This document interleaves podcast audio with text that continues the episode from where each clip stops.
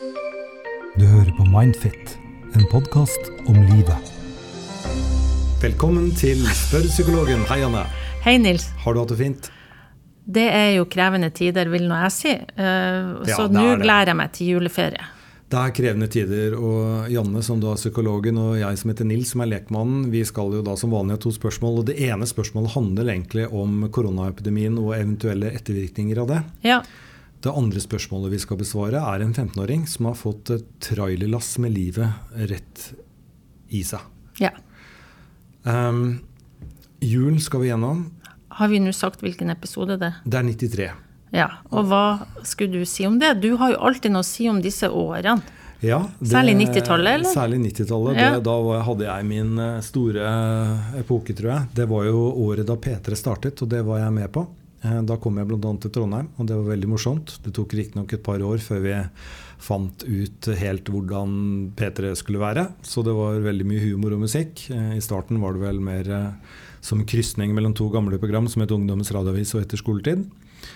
Eh, og jeg så på P3-prisen, uh, den der P3 Gull for ikke lenge siden. ja, De er flinke, altså. Det er veldig artig at Så- du har vært med på å starte det her. Ja, så de som er der nå, er uh, veldig flinke. Ja. Så eh, det er bra. Ja. Um, så det betyr at eh, episode nummer 94, og da kan vi jo snakke veldig mye om OL på Lillehammer OL-floka. Da skal vi synge OL-floka. Ja, den kommer altså da i 2021. Ja. Eh, vi snakket jo om at vi en gang skulle ta en sånn skikkelig maratonsending for å komme gjennom eh, bunken med spørsmål. Og det, Nytt ikke lenger, dessverre. Det har vi sett eh, oss litt bort ifra. Så kanskje Vi må bare beklage det. Ja, det er det. så mange gode spørsmål vi ikke kan få svart på. Men vi prøver nå å ta ut noe som kan være litt representativt, da. Og så er det også slik at uh, som dere kanskje hører, så driver ikke jeg og forbereder meg så mye, men det gjør du. Ja. Uh, for at du er jo utdanna i dette her. Så det betyr at det er jo selvfølgelig da eh, litt jobb også å, Ja. å forberede seg på dette. Men det betyr egentlig at vi skal gjøre noe crazy som går rett på første spørsmål. Det gjør vi nå. Um, hei, Anne og Nils. Superbra podkast dere har, som jeg lærer mye av. Jeg har noen spørsmål. Hva er de psykologiske effektene av koronapandemien? Hvilke ettervirkninger tror dere vi kan få av psykiske helseplager hos befolkningen i ettertid, etter all isolasjon vi har vært i? Tror dere vi kan vente oss lengre ventelister hos psykolog og i psykiatrien som følge av senskader av isolasjon? Og hvis jeg skal bare svare, så svarer jeg ja. Jeg tror det er et godt svar. Eh, Særlig uh, siden dette med ensomhet er noe vi har hatt på programmet før. Vi har jo snakka mye om at det er en type sårbarhet kan være i forhold til å utvikle psykiske plager. Eh, og det er klart at for mange av oss så, så har det vært mye ensomhet uh, nå, og, og det har jo vart så lenge. Én ting er å mobilisere de første ukene, eh, men jeg tror ikke jeg var den eneste som tenkte at eh, når etter sommeren til høsten så skulle det bli litt bedre tider og, og sånn, og så, så er det til stadighet tilbake til at vi må ta oss sammen.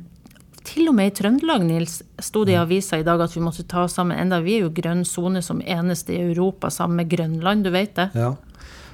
ja, jeg husker når det kom, og jeg tok da og bestilte en tur til Hellas i mai. Da tenkte jeg nå er det i hvert fall ferdig. Og så var det ikke ferdig da. Da tok jeg en i september. Det går i hvert fall bra.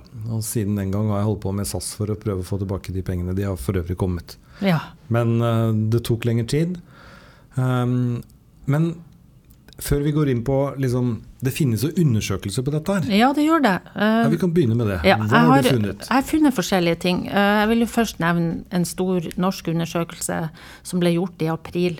Uh, Blant annet Modum Bad og Universitetet i Oslo som står bak. Sverre Urnes Jonsson er en av eh, de som er med på det.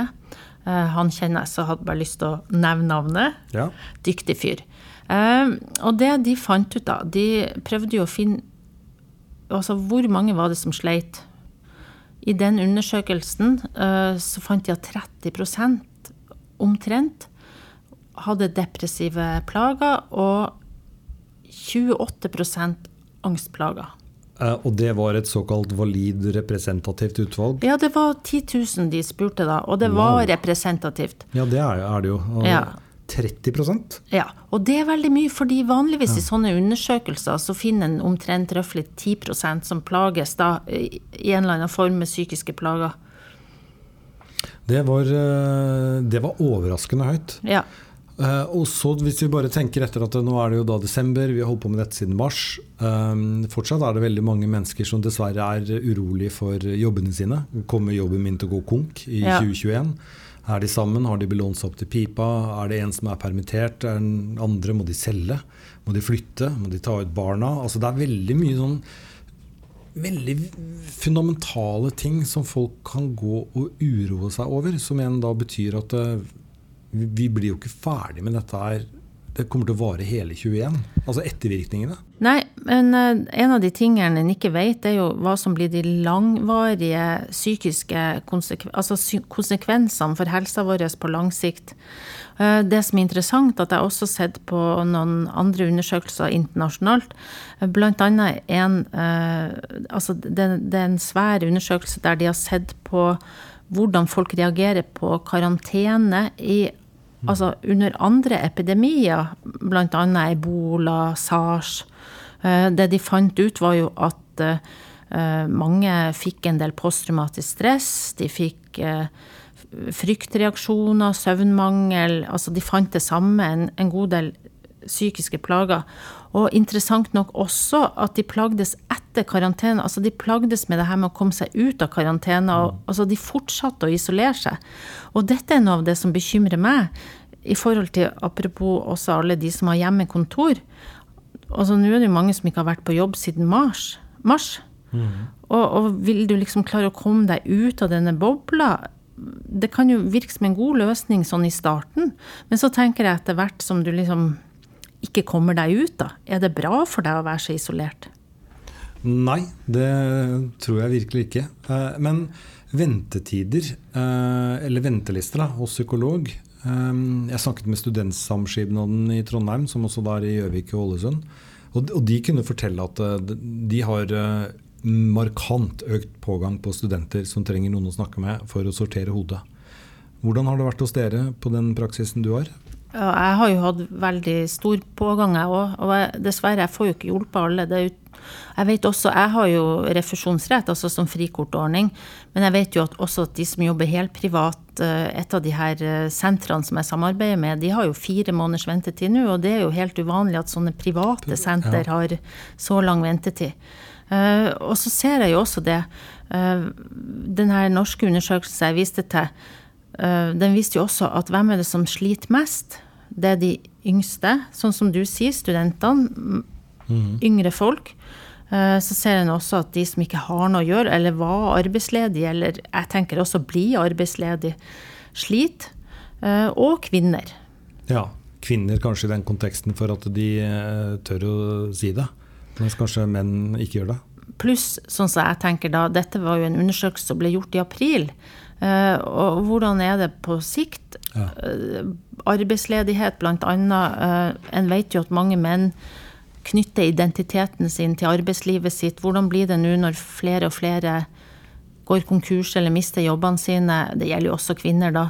Eh, og, og du har jo også rett i det at kanskje kvinner i større grad er åpne om at de syns det her er tøft. Mm. Så svaret ble faktisk ja uh, på det. Vi kommer til å slite med dette i hvert fall i hele 2021, dessverre. Og så uh, Noe annet de fant, som var jo det her med at folk som bor i større byer, sliter mer enn de som ikke gjør det, da.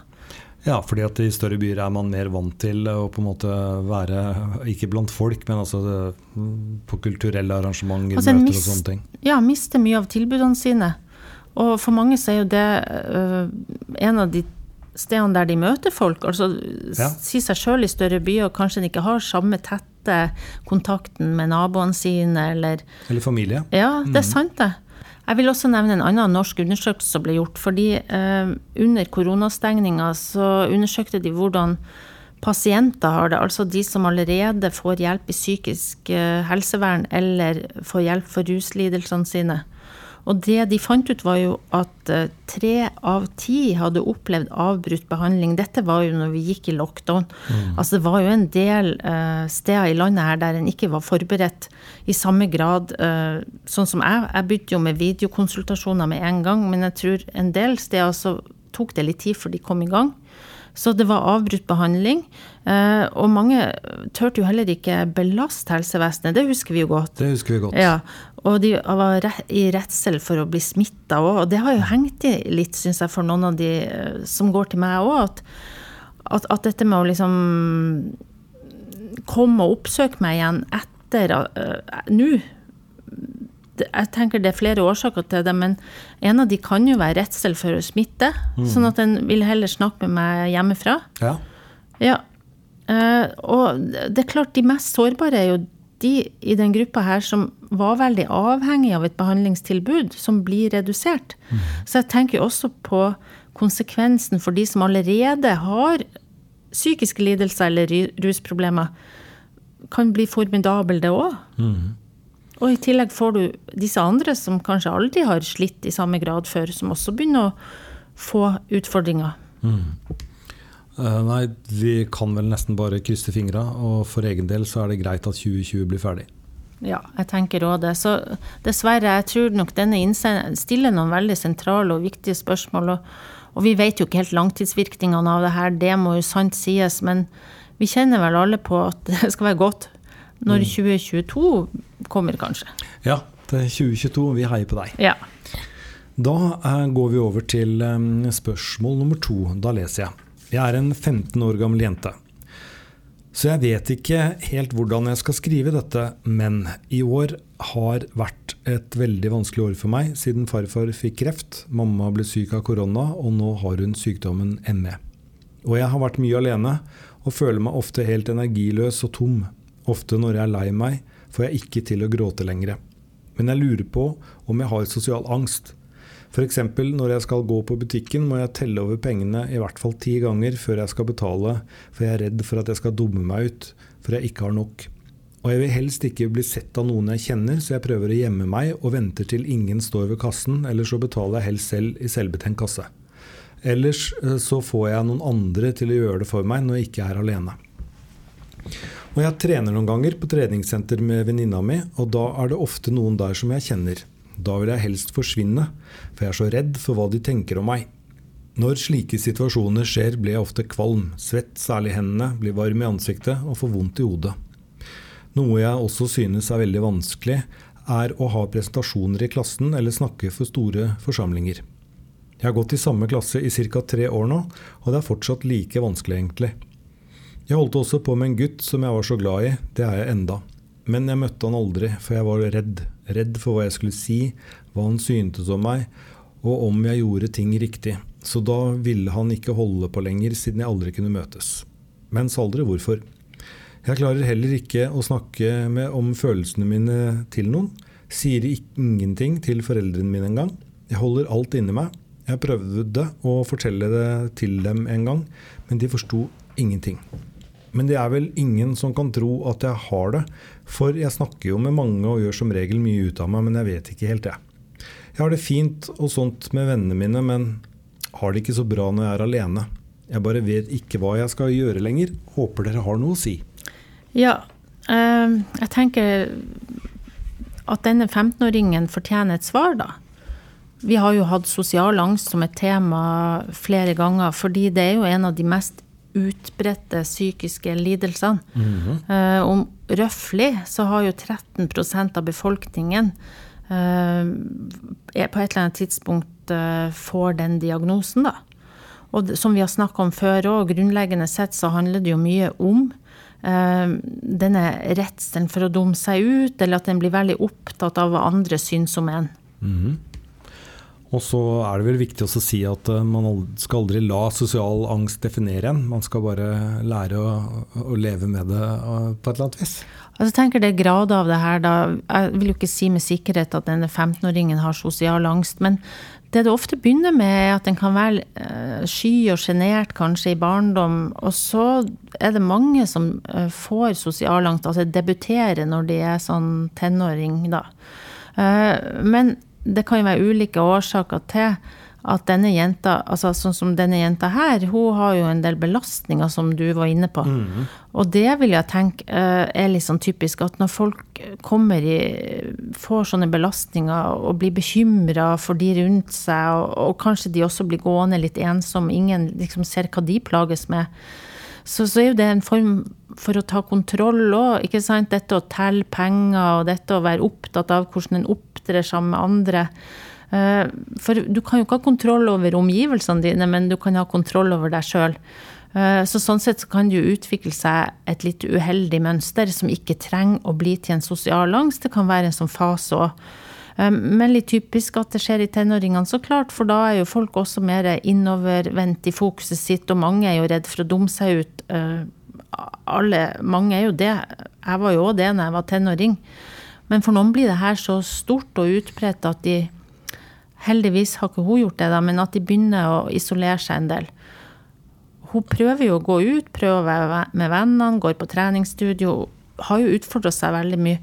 Det syns jeg er tøft gjort, og det syns jeg hun skal fortsette med. Det er egentlig veldig vanskelig hvis du begynner å gi for mye etter for det her. Mm.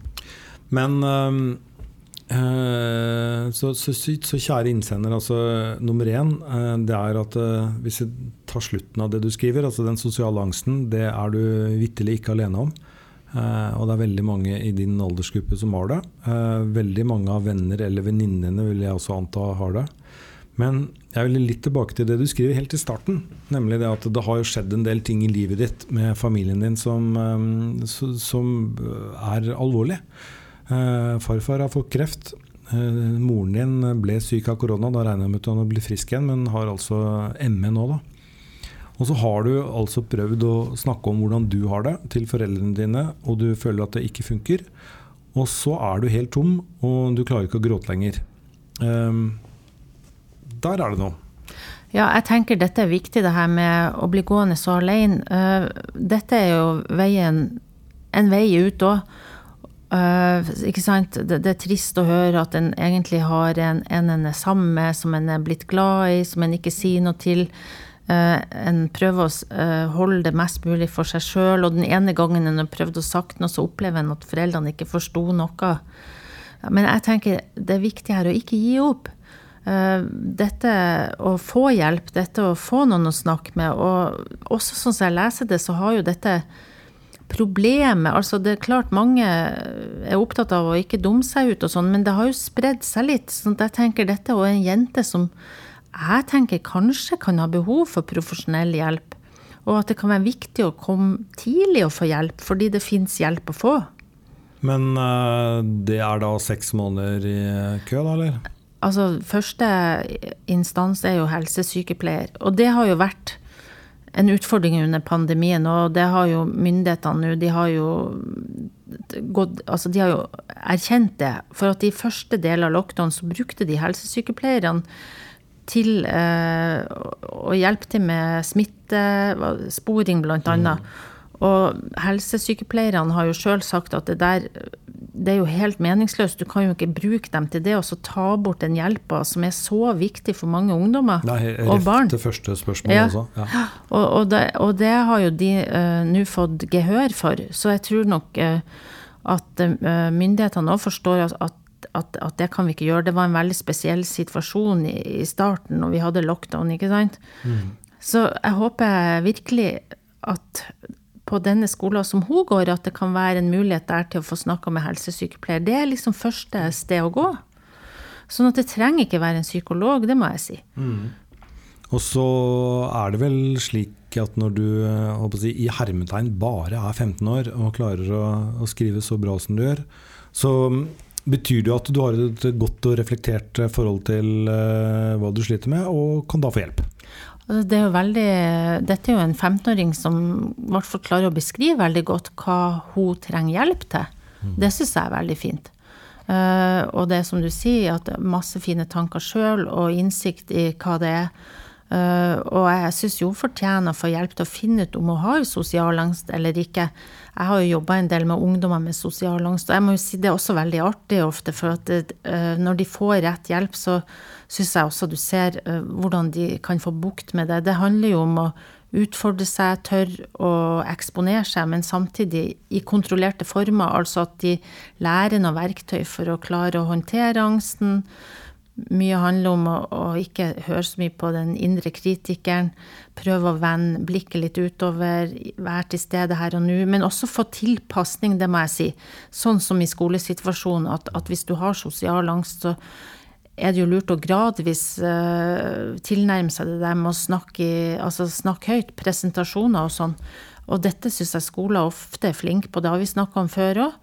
At et sted å starte òg er jo å snakke med kontaktlærer. Mm.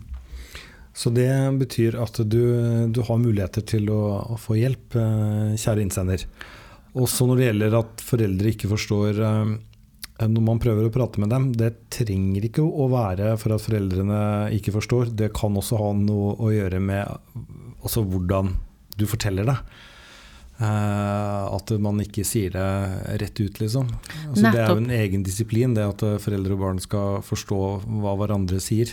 Jeg tror en del foreldre i første omgang det er ikke det at de, altså de blir kanskje veldig bekymra når ungene deres ikke har det bra, og det kan jo virke som en bagatellisering på ungdommen.